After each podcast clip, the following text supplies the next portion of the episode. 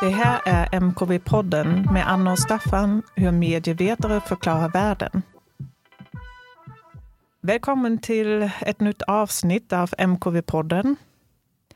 Och det är första avsnitt för den här terminen, så vi börjar en ny säsong. And we have to switch to English because we have a guest with us who's an English speaking guest. Apologies. uh, and this is Maria Brock, who is a postdoctoral fellow or research fellow at Malmö University. You can introduce yourself Yeah. in a better way in just a second. Uh, and of course, we also have Stefan with us. Should I introduce myself? No, but you should Uh, say hello. is- no, I, I'm I'm um, uh, this time at distance on Yes. Zoom. Yes. But we are happy that this Zoom solution is uh, actually existing so that we Yeah. can record the podcast today. And as I just mentioned, this marks the first episode of the new term, which is having quite some uplifting topics to look forward to. I'm not going to mention the upcoming episodes, but today we are talking about loneliness. I mean, it's the 1st of February, it's snowing outside, it's cold. So, what uh, better to talk about than loneliness? And I'm very happy that Maria is here with us today. Uh, and actually, the uh, topic for today came up because she was giving an interview to Ord and Bild, or it was more like a conversation. You It can was a conversation, yeah. yeah. You can also say more about the whole conversation and who the conversation was with. But the whole text ends with a discussion on loneliness. So I was very intrigued and thought like we definitely have to make an episode on this topic from a media studies perspective, of course. And there are two instances in the interview or conversation that are touching upon loneliness. So on the one hand, there's one discussion about digital media and the digital media ecology and the uh, maybe a situation of uh, surveillance and constant surveillance of children that creates also some kind of loneliness because we are isolating to uh, prevent and save children. We can say more about this in a second as well. And then about uh, Russian child figure that also seems to be kind of a symbol of loneliness or that's connected with, with some kind of loneliness. But before we enter into uh, describing those instances of loneliness in the Ord och Bild conversation, Maria, who are you and what's your project actually about and how does it connect to loneliness and media and communication studies? Who am I? The biggest question of them all. um, I mean, as you, uh, based on my LinkedIn profile and other such uh, platform related information, um, I'm currently a Marie Sklodowska Curie Fellow, so postdoctoral fellow at Malmö University. Um, and the project that I'm working on is looking at the figuration of the child as a as a and how the child becomes a symbol of um, innocence and vulnerability. Um, the figure always at risk, and how that is being utilized by. We can call them retrogressive, we can call them conservative, we can call them right wing, anti gender movements. Um, so I'm not working with children. Um, when I do write about children, it's from the position of someone who's in would never claim to be an expert on children. I'm not a developmental psychologist, um, but it's more about how are these, what kind of children are created in among certain right-wing conservative anti-gender political actors, and I'm mostly looking at Germany and Russia. Um, Anna, as you know, I am from Lei- maybe this is a secret where Professor Anne Kaun was born, but um, you hear it here first. She was born in Leipzig, which is also where I was born. It's not where we met, um, but I tend to write about. Um, I also have a degree in Russian studies. I tend to write about um, issues. Um, Often from a media perspective, not always, but um, located in Germany, Russia, or more broadly, maybe the former Eastern Bloc. I think that's enough about me. Yeah. So, how does this project on the figure of the child connect with the topic of loneliness? Are there tropes of loneliness in the material that you're looking into? Um, that's a really, really good question. And I was actually, sorry, I'm going to do a roundabout thing, but according to, and we'll talk about this later, I think, the interview with John Durham Peters, um, the way to get to the big question sometimes is just to like study all the adjacent issues. So I think looking at the figure of the child is also looking at vulnerability, and vulnerability is connected to loneliness. Um, I'm still, uh, you know, in the in the sort of uh, in approaching the child from like behind a bush. Now that sounds wrong. um, that's where we stop the podcast. edit, edit. it's all perfectly legal, I swear. Um, I think I'm uh, where I'm at uh, is uh, how trying to understand how what we we and by by we I mean actors I I mean um, writers I mean politicians or anyone um, who has anything to say about children are, of course, also talking about ourselves. So any kind of um, fear ar around what might happen to the child is is a kind of almost a, a, kind of regression to what happened to me, what could have happened to me, or what what shouldn't have happened to me. Um, I don't know if that connects directly to loneliness. In fact, a lot of the actors that I look at. So again, it's sort of um, parental rights organizations. Um, it's people that um, try to reduce the amount of gender and sexuality inclusive education that is presented in schools, all the way to Russia um, making traditional values a kind of state policy.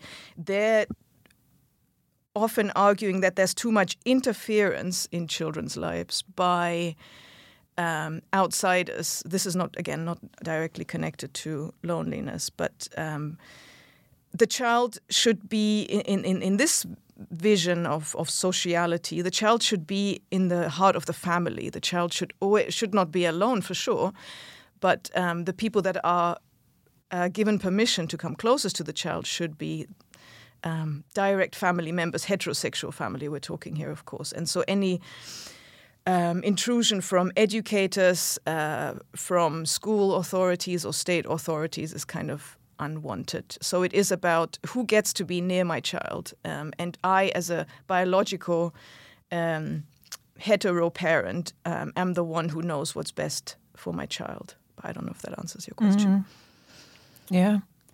And I mean, in the uh, conversation that was mentioned a couple yeah. of times now in mm-hmm. Ord och Bild, uh, there is also this uh, episode where you describe the situation, a lot mm -hmm. of mm-hmm. ideas about mm -hmm. the children, a lot of kind of trying to protect from yeah.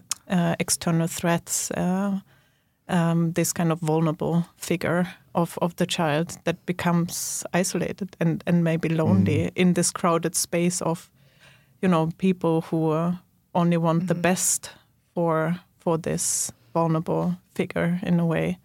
Um, but what role do do media play in your re research?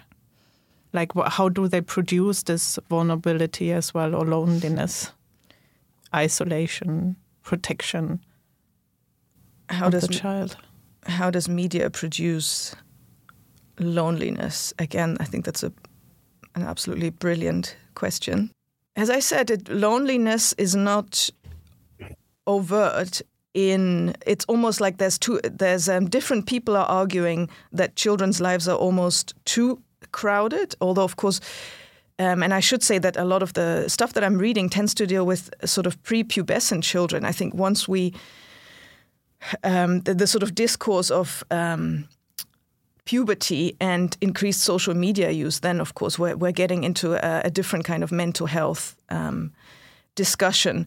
So, what I do see, and I think this is also mentioned in the interview, um, is sort of pre existing uh, discourses and, and around moral panics and what kind of media should children be exposed to. We were just, um, and by, by, media, I also mean what's on the internet, what's um, television programs, for example. Um, a colleague uh, and I whom you know as well, Tina Askanius, we just wrote um, a piece about sort of uh, moral panics in Russia, but also in, in Germany around television programs targeted at children produced in Sweden and Denmark, um, which are considered um, harmful to a child's general well being. So there is a lot of um, ideas around if children are exposed to certain kinds of, so there is a there's a sort of age at which you can be exposed to certain kinds of knowledge. Um, if for some this is not based on any sort of developmental psychology this is just based on a sort of innate gut feeling of what's good for the children.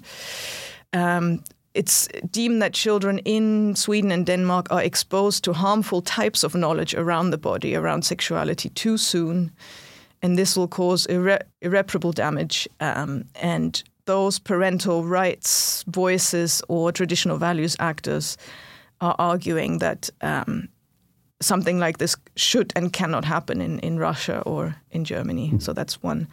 I'm still not getting. I'm, I'm doing the Durham Peters thing where I'm not getting to the loneliness. I'm just talking around the loneliness. But I mean, he also says that's the most eloquent method of uh, getting closer to a, to a topic. To yeah. a, stuff. But the more mm. panic thing, if I can jump in, uh, it's interesting now. If you think about it, it's very much a discourse on on uh, content, basically on media content, yes. right? In in every sort of uh, instant you can think of. Uh, like it was the uh, whatever it was detective novels in the 1920s and then it was sort of comics but uh, in the 1950s then you have video you have this is the idea basically of, of uh, stimuli and response in some sense uh, uh, content being the intruder mm. whereas discussion on presence on, on screen time mm. is is uh, perhaps another sort of discussion, which is about the environment, basically, of uh, uh, and connectivity and yeah. that sort of thing, and and that might be uh, easier to connect to to loneliness. Yeah. Uh, uh, that sort of discussion. I, I think it's quite common that media scholars are are basically uh, a bit tired of the moral pan- panic discussions because Naturally, it, you can see it repeat itself in different genres, and it's it's more like a social anxiety about something, but it rarely sort of pans out in the way that it's uh, that you find a really uh, dangerous form of content for children or for youth. But this later discussion about being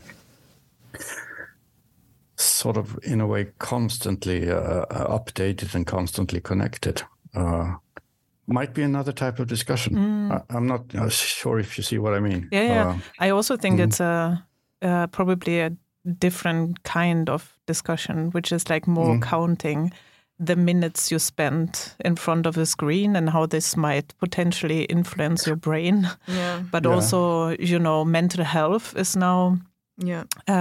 linked mm. to too much social media consumption, especially if we think of uh, young girls uh, yeah. who are hanging out more than boys in social media and this kind of whole question of mental health issues. And I mean, now they also distribute in schools this kind of um, uh, plate model that you have for foods or this kind of pyramid of, mm. you know, what mm. kind of different nutrition yeah. fruits, how much mm. fruit you should eat and how much meat and and so on and sweets and these kind of things, but where they include screen time in this kind of, you know, Tallriksmodellen as yeah, well. Yeah. It's kind of a mental health uh, mm. map of how to how to spend your time.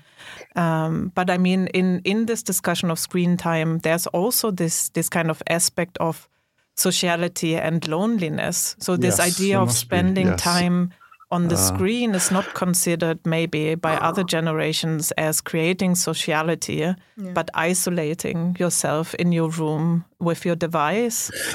Uh, in a way, no, that that this is kind of some kind of physical loneliness that's perceived by the parents or that mm. there's a different kind of I, I mean, yeah that, that's i mean maybe that's different in different circles and mm. different social classes and so on mm. I, mean when we talked about disconnection uh, we had this uh, uh, I mean, there's this pattern that people are, that are very privileged, for instance, people that are working in Silicon Valley in California, mm. they tend to be very strict about mm, yeah. uh, their own children's uh, social media habits. Uh, and but they talk about it in a sense that's almost related, or they have to be by themselves. They have to sort of be. Mm, it's a mm. question of, of, and they have to be uh, bored as well. Yes, the value of boredom. Alone, right? nothing. It's it's healthy to be alone in, yeah. way, in an mm. existential mm. way. And I think uh, there's also a shift in the use of social media because apparently it's not so fashionable to have a lot of followers anymore, but to have very oh, small oh, okay. numbers of followers in social media that is very exclusive. You cu curate Aha. your mm. your Aha, list. That's huh? interesting. Yeah. You have this sort of inverted economy mm -hmm. in body. Yeah. The few the fewer followers you have, the more symbolic value you uh, might have in, in uh, Instagram, if, if, that would be the case. Uh, but um, I mean, I'm hearing obviously competing just normative ideas around what constitutes right a sort of wholesome i mean it's still all about a kind of wholesome childhood mm. yeah. right and while i don't know a, a sort of liberal or left-wing parent might um, be very concerned with things and, and so might be the people that i'm looking at of course around diet you know and you should spend time in nature mm. move your yeah. body be comfortable in your body. But then other things might be, you know, normatively, um, you know, things around gender and sexuality. And, you know, is the child what what is sexuality suddenly there's a the, the, those ideas are vi- wildly diverging but there's a proliferation it seems to me and not just to me of ideas around what constitutes uh, you know a good childhood even the the healthy dose of loneliness, you know, or is it yeah. aloneness? Again, yeah. what do we mean by loneliness? So there is a, yeah. you know, obviously to, to to to you have to learn to. That's another thing I hear to self-soothe. Mm. Um, and yes, uh, it's just uh, you know, social media is just a kind of a, a placebo, or a, not even a placebo, a surrogate. Um, but what's mm-hmm. within, mm -hmm. you're not going to learn that if you spend all your time distracting yourself. So I don't know if a liberal or left wing parent, yeah. they might be concerned about mental health, not so much about, oh, will my child get ideas around, you know, their sexuality or open their ideas around that, but still, yeah, that's so that's, um, yeah, normative mm. ideas proliferating, I think, is a. Yeah. But I think the, the sort of comparative uh, uh, approach you have in your project sounds very interesting, actually. Uh, and maybe the sort of thing that is needed. Mm.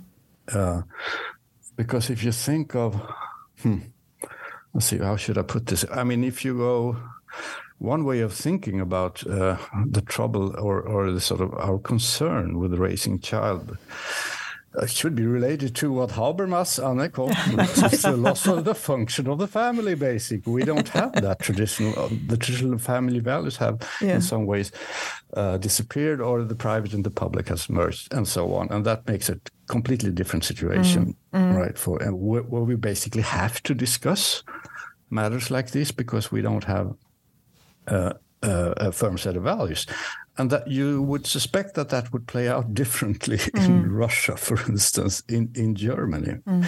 Uh, that sense of of uh, is there even is there even is it possible to sort of bring back uh, that role of the family? Mm. Mm. Uh, uh, which uh, I mean, if you read Habermas, I, I, you would be very skeptical. It's not possible, mm. uh, basically, because that means mm uh, uh, it, it, that's basically the way modernity has has transformed society. Mm. But maybe, I mean, and then there's an open question: Has there been a public sphere like that in Soviet Union and Russia, even in the United States? Mm. Uh, they, these processes might work very differently. Mm. I'm not. Uh, I'm, maybe I'm asking you, Marie. Are you thinking in terms like this? that this is a, uh, in terms like this is a fact, a sort of a historical fact that um, the family has lost, or at least been challenged by uh, uh, the state as a sort of uh, yeah, as, the smallest unit of society bringing, and sort of bringing yeah. children, basically um, uh, and reproducing mm, values. I do. I do think about uh, reproduction, and I don't just mean physical reproduction, but mm. social reproduction a lot. And I also think, I mean, the Russian state project, obviously, and not just since, well, we're coming up to a year of the full scale invasion, but not.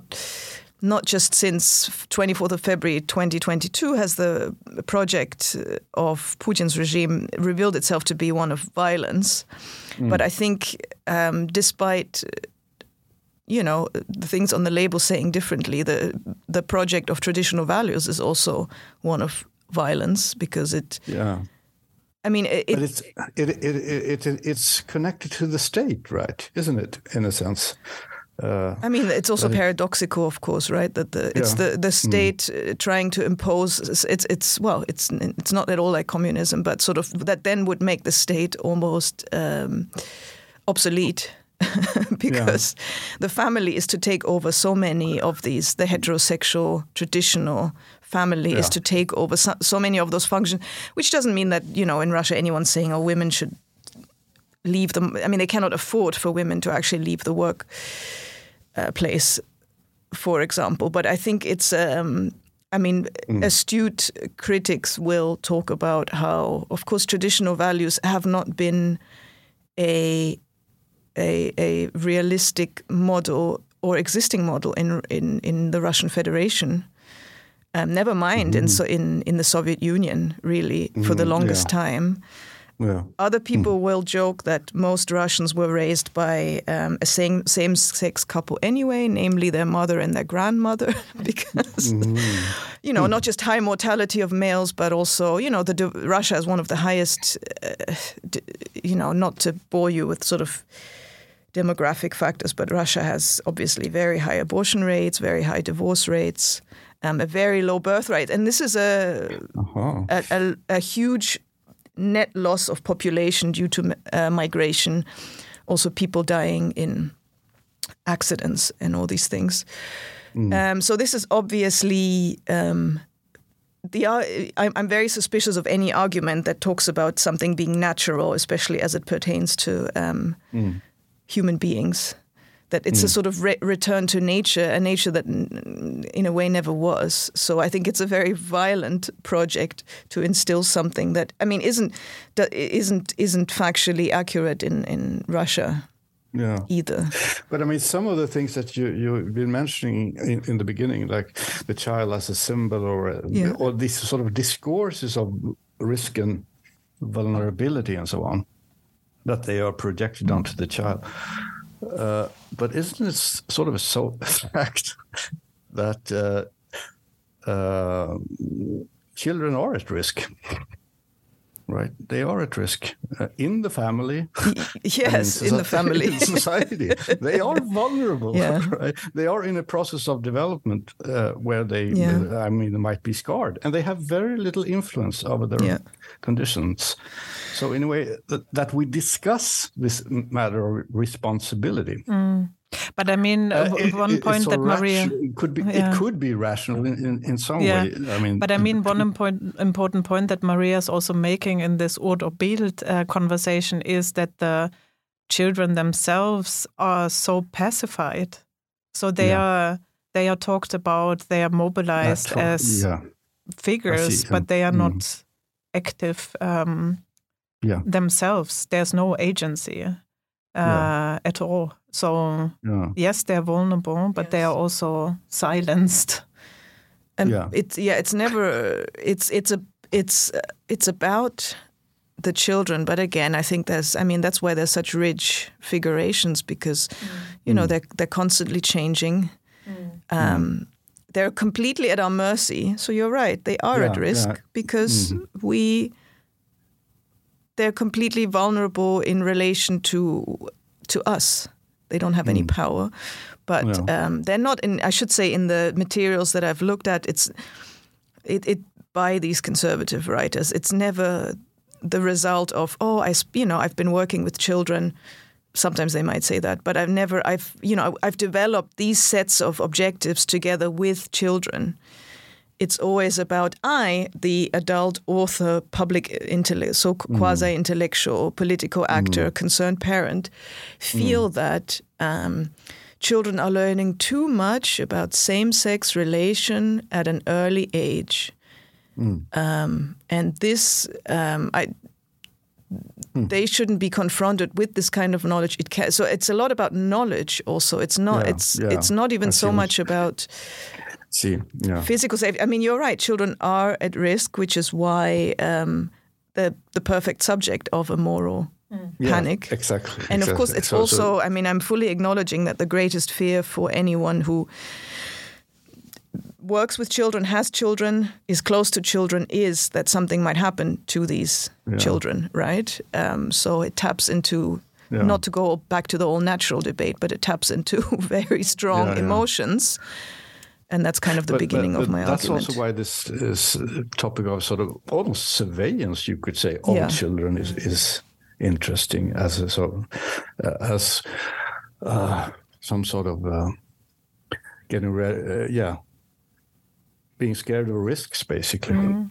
But then again, uh, it also produces this, you know, highly visible figure of the yeah. vulnerable child and at the same time it creates apparently so also so much loneliness for yeah. the child yeah, yeah. so being being so I mean, protected and saved and but maybe uh, hmm. isolated so but in order to return to the initial question how can we approach this topic of loneliness mm. from a media studies perspective mm. maybe it's also just a shift in the in how we approach what media are doing with us and with mm. society where you know i mean most of the discussions uh, previously are about okay how do media connect us how do media create soci- um, sociability yeah. how do we communicate mm. with each other with the help of different media technologies and so on and so on but maybe it's this interesting point how media can be thought of through the lens of loneliness instead you know mm. like a little bit like the, the, way of disconnection studies are also mm. proposing okay we should yeah. try to understand mm. digital culture in terms of disconnection rather than connectivity uh, maybe that's a, just a different way of, of studying the contemporary mm. moment no as mm. well is it productive or is it just a fancy we turn this and think differently I mean, every anything. I'll try anything once. I'll try this, loneliness once. will this get us some funding, or will will this help us understand the world better or more? Maybe understand communication better mm. if you, if we sort of follow uh, John Durham Peters here, because I think this is his take yeah. on communication. Yeah. Basically, that it's always sort of two sided. It's a dream of access and of mm. unity and mm. a merging of souls. Right? Yeah. So should uh, we move but into? But it's also on the other hand the nightmare of solitude and yeah. loneliness. Yeah. That is what communication is always setting in motion. That's uh. that's his take. Yeah. Should we uh, should we move into uh, the text discussion? That's maybe a good. Yeah. Uh, yeah. point, Stefan. Uh, so we we uh, go into the section vi läser, mm. where we have um, engaged actually with an interview as well. It's all about interviews and it's conversations. All about interviews, yeah. Uh, and, and, yet, they, all of mm. us are very lonely right now. uh, but Stefan, uh, you promised to give a short introduction of this uh, interview yeah. that we have read because yeah, uh, I, I, I remember I touched upon this. Um, this particular lecture, uh, which is called "Whatever Happened to Loneliness," that uh, John Durham Peters gave in, at MIT in 2009, and I was actually in the room there. Uh, and I think when we talked about this connection, I, I, I I remember this lecture and that it made a very deep impression on me, actually, uh, for several reasons. But it turns out he never published it. Mm. But there is this discussions the, the, day after that was published when, when he talks about some themes. So I can say very briefly what it was about. And uh, I think it's basically what's the the general situation and the context was, yeah, at conferences at MIT in 2009, this was all about social media and Twitter and instant access. Now everything is sort of exploding. Mm. Uh, and then they bring in this uh, keynote guy, and his theme is it wasn't really introduced to me. What what happened to loneliness? Mm. Mm. And everyone went, huh? That's the John Durham Peters reaction. It's, it's, his usual trick in a way, but it's his way. So what uh, but it, uh, as as you can read in this interview, mm-hmm. it actually goes back to his way of thinking of communication as a, more or less an impossible project. Mm. Mm. Uh, but uh, this impossibility uh, has the conditions for that changed with total access and, and so on, and instant access and so on. That's what he, he wanted to discuss. And uh, the other idea I remember that's not so much in the uh, in in the interview, but it, mm, that surprised us in the room was that he he had this uh, sort of reading of a, a nostalgia.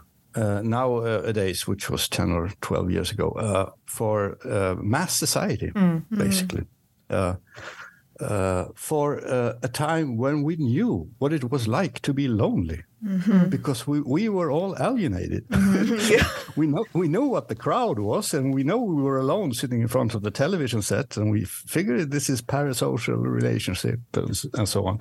So, so he sort of pointed at these theories, uh, which was like uh, the lonely crowd by Riesman and, and Hannah Arendt and mm. Raymond Williams. That sort of theory had stepped up uh, uh, in the early 2000s, uh, but also a number of sort of uh, popular culture phenomena like Mad Men, mm-hmm. for instance, and, and, and, like Revolutionary Road and and uh, mm-hmm. the Americans, as sort of this Cold War, 50s, 60s environment. Uh, which was in some way an oppressive uh, environment, uh, and it was a lonely environment but we knew what it was mm. to be lonely. And it seems like we we're fascinated by this at mm. this point because it's sort of a loss of loss. Mm. it's a, it's a loss of that sort of loneliness. Yeah, and that make uh, yeah. so that was the uh, the the moment of, of uh, where this sort of how he illustrated this idea mm. uh, that they are connected. This dream of access and this fear of, of solitude. And mm. maybe we're working on that sense of solitude by going back to uh, this uh, yeah word of alienation mm. uh, of mass society. And the irony was, I remember now that I was there to talk on a paper on television and the Cold War, which was basically the most unhip thing to talk about mm. at MIT in mm. 2009. So it was, uh, it was, one of those sessions where there was me and another guy, a Japanese guy, who wrote on something similar, and not a single visitor, no. just the moderator. You were so lonely. Yes. Speaking of lonely, that, try I, talking I to an empty room. Very, very, I felt very lonely at that point. And then we had this great discussion, just he, the Japanese guy and me, that I still remember. uh, so that was the irony of it, uh, yeah. uh, in a way that. Um, uh, these people weren't that interested in the 50s and mass society and television in the Cold War, uh, the MIT sort of crew. Yeah. Yeah. But um, yeah, so that, that's the context of uh, but, of his take on, on loneliness mm. so and, and, social media. So, what, uh, Maria, do you take with you from from the interview, from the text? I mean, I'm glad, Staffan, that you mentioned nostalgia because I feel mm. this is a like this. This reads kind of nostalgic to me, and I was thinking at times he veers. I mean, I love it, of course, because it's. I I, I think I appreciate anyone. Um, you know, if, uh, when you're in academia, you feel so confined in specific, narrow conversations, and he is very much um, doesn't feel confined within mm. any mm. conversation clearly but like he veers into a kind of and i have written about nostalgia before but he he almost sounds like a luddite at times but i, I mean uh, mm. how can you not just go outside embrace hug a tree or something like this mm. like it's all very um, yeah i don't know uh, that that that was my my first thought is that there is a kind of um, it's it's less on loneliness uh, than I than I would hope. I it sounds luddite even when he says, "Well, there are no ghosts in the digital." You know, there isn't mm. anything. There is no in betwixt and in between. Um, there is nothing unexpected. Uh, but yeah, there is also that that element, almost an element of things used to be si simpler back in yeah. the day. Mm to it. But I, mm. I, I, don't mean this necessarily as a critique. I mean, there always has to be some sort of frame of comparison. But that's um, one thing that I was thinking mm. about. Uh, another and not to interrupt. Another thing that I thought was interesting is I think it's the interviewer that I mean he brings up mental illness. Um, mm. Although I lack a little bit the context of uh, how he talks about mental illness, you know, both as a as an as a real existing, I suppose, medical phenomenon, but also as a metaphor or the expression thereof picks up cues from the environment. And then his interviewer, um, Carolyn Kane, I believe, yes, mm. starts talking about OCD, ADD as a kind of, and I think that's interesting um, mm. because now, right now, we're seeing. I mean, that that has only increased. I think both. Um, it's you know we see a lot of conversation now around ADHD, ADD, mm. also autism, autism spectrum spectrum disorders. Mm. Um, and that they uh, seem intimately connected with the use of social media. There also there's also a lot of space given to discussions of these, but also like a continue. It's it's almost like to exist on social media um, is already symptomatic of mm. um, ADHD, ADD. Um, or to yeah. be enjoying, so, to be too attached to certain things seems to reveal autistic traits, but they're less pathologized now, I feel, and I've had this discussion with friends who are in clinical psychology as well. There's almost a comfort in recognizing oneself in for, for some people in these sort of symptomatic categories. Oh well, that's very ADHD of me. Yeah. yeah. Um, maybe yeah. that makes me slightly autistic, and this is yeah. in no way to take away from the real, you know, suffering that can come from some of this. Yeah, and and maybe we should say also that this is also part of this historical distinction distinction he makes that that uh, in in mass society that it was sort of schizophrenia, mm-hmm. yeah. paranoia, yeah. that sort of that sort of thing. Uh, uh, while you have ODC, ADD, and autism uh, as as typical for for a later stage, yeah. Uh, uh, and the, it's that sort of metaphor can it sounds very dangerous but mm. but there's a sort of twist in the interview here when it says uh, well the diagnosis itself is sort of partly nature and partly culture mm. yeah uh, in a sort of Latourian way it's that's what these diagnoses are and so they might be helpful to understand uh, the way we communicate and so on mm. Mm. But also, I mean, he kind of prefigured the disconnection field as well yeah. in this comment uh, that yes. you also uh, remediated Stefan Eller or, or mm. told mm. us about this mm. kind mm. of um, nostalgia, the loss mm. uh, of loneliness, yeah. Mm. and that like all these kind of retreats uh, and all the attempts to to disconnection is this, you know, partial attempt to to reinstall loneliness or, or find loneliness in, in this hyper connected environment. And this is what he already prefigured in a way, no? In in this mm. in this interview as well. I mean, I didn't attend the lecture, but I can mm. imagine that it's that it's like something yeah, and that's it's, it's interesting. It sounded so new, and so mm. we were all surprised mm. uh, at the take to, uh, in 2009. Now it sounds, in a way, familiar. Yeah, or uh, yeah, kind of logical, like a logical consequence or, yeah. or something.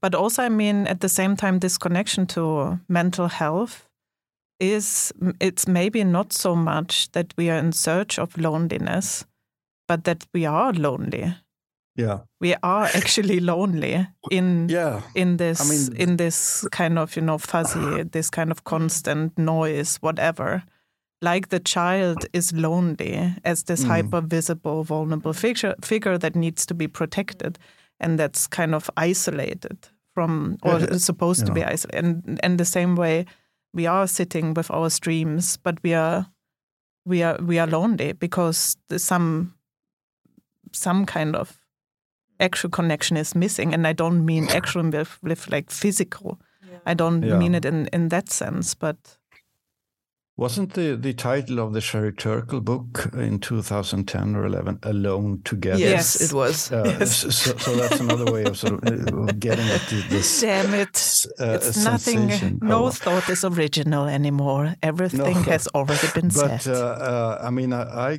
came across the facts uh, that uh, two countries in the world now have ministers of loneliness. Mm-hmm. were you aware of this? No, I only a, thought like ministers of happiness. Of loneliness. Exactly. Yeah, I knew about uh, happiness. Wh- what are the countries? Uh, it's the UK and Japan. I was going to say it's the, maybe that's a terrible thing. I was going to say I, am aware that Japan must be in there, mm-hmm. but I would have thought maybe Finland is there as well. But no, Finland is also the. I mean, I think that's the problem with any eh, feeling state that is considered measurable. Finland is also the happiest country. Yeah, yeah, yeah. yeah. So okay. I, I, think there's generally, and I, I know the UK has a happiness. Mm. Um, yeah. Um, actually, when when I, I started my PhD at the LSE in a department was, was that was then social psychology. It's now gone back to the department I think of uh, behavioral science. So uh, interestingly mm. enough, we're going back to. Mm. And uh, the head of department, at least for a while, was also responsible, and when Cameron was prime minister, for um, sort of incorporating behaviorist social psychological um, cues into governmental policy. So how do we get yeah. people to make better decisions? But of course, that means that we're, you know, it's this what you were talking about, Staffan, stimulus response. Yeah. We can be taught to, we can be cued into behaving appropriately. Mm. Mm. Mm. And one of the uh, strategies of this uh, Ministry of, of Loneliness, I gathered in, in the UK, was that they co- cooperated with WhatsApp and TikTok. Mm-hmm. Uh, so there were interviews with these leaders of this organization. It was very important to have routines for social media use. Mm-hmm. Mm-hmm. So to sort of reconnect daily. Uh, so, mm. but they don't have any collaborations with Tinder or Grindr. I, I, I, it didn't show. that's that's another. I mean, many people or, or, our students are now writing about these dating apps, mm. and it's actually quite interesting. Mm. I think. But uh, we are going to make another episode on love I think. So we're not even yeah. allowed to talk about love, no, Anna. No. Oh God. We we are all we are like siloing our topics. Okay, but then at least yeah. physical connection, mm-hmm. physical mm -hmm. connection. Then there has to be no love. Yeah, I think we should uh, round up here and maybe some final thoughts on the on the text or on the topic of loneliness.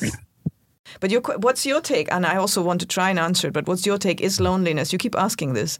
The mm. new no, I don't. I don't. I mean, it's just some to ask something and keep the conversation going uh, that is linked to the topic of this podcast. So it's yeah. not very thought through, but I think it is kind of uh, engaging to yeah. think about, you know, communication uh, from the perspective of lone, loneliness in a way, in all different kinds of ways, as yeah. an empirical phenomenon, as an experience, but also maybe as an analytical lens or category. So it mm. has some kind of you know potential to to not reproduce like conventional ways of thinking about yeah. media and communication. And in that sense, I think it it might be interesting to keep it in mind somehow. Mm. Mm. Mm. But we always end with one question, Maria. Oh God, yeah. If there's a song that oh is connected to the topic of today, which song is it? What should we play in the outro? Um, so my song is "Famous Blue Raincoat" by mm. Leonard Cohen. It's very sad, and it is about um, having gone through a protracted and um, painful love love story but it's writing a letter to that lover from the place of someone who's kind of left behind but who um, says that they, it, but it, what it really evokes is kind of New York City at like four in the morning, and there's rain, and um, it, he sort of describes what he sees outside of his window. So there is a there's a profound loneliness um, and and a weight to that, but also it's just very beautiful. Yeah, it's it's poetic loneliness. It's like the generative. What is he? He's talking. Durham Peters is talking about the generative power of loneliness. I mean, his loneliness generates music. So, so we're going to play this. yes. Thank you for coming, Maria. Thank you for having me, both of you. Thank you. It's four in the morning, the end of December. I'm writing you now just to see if you're better. New York is cold, but I like where I'm living. Music on Clinton Street all through the evening. I hear that you're building your little house deep in the desert. You're living for nothing now. I hope you're keeping some kind of record. Yes, Jane came by with a lock of your hair. She said that you gave it to her that night that you planned to go clear.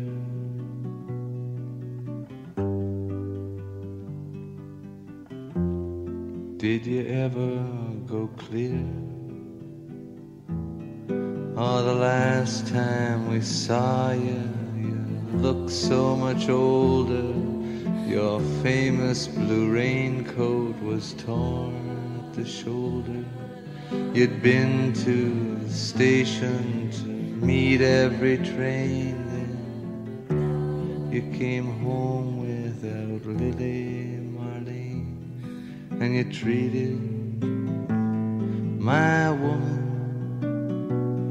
to a flake of your life. And when she came back, she was nobody's wife. Well, I see you there with a rose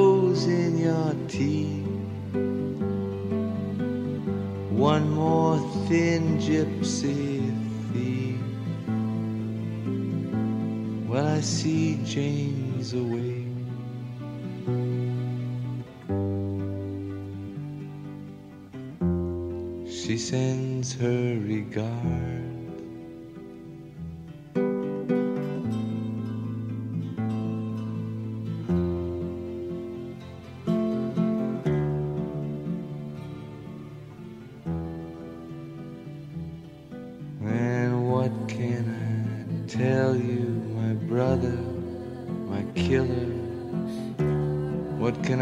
Possibly say? I guess that I miss you. I guess I forgive you. I'm glad you stood in my way. If you ever come by here for Jane or for me, well, your enemy sleeping, and his woman is free. Yes, and thanks for the trouble you took from her eyes. I thought it was there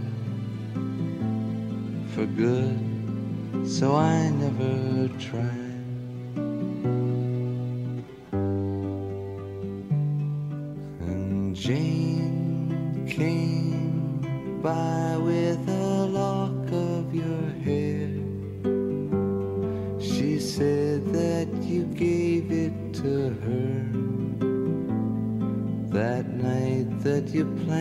Sincerely, El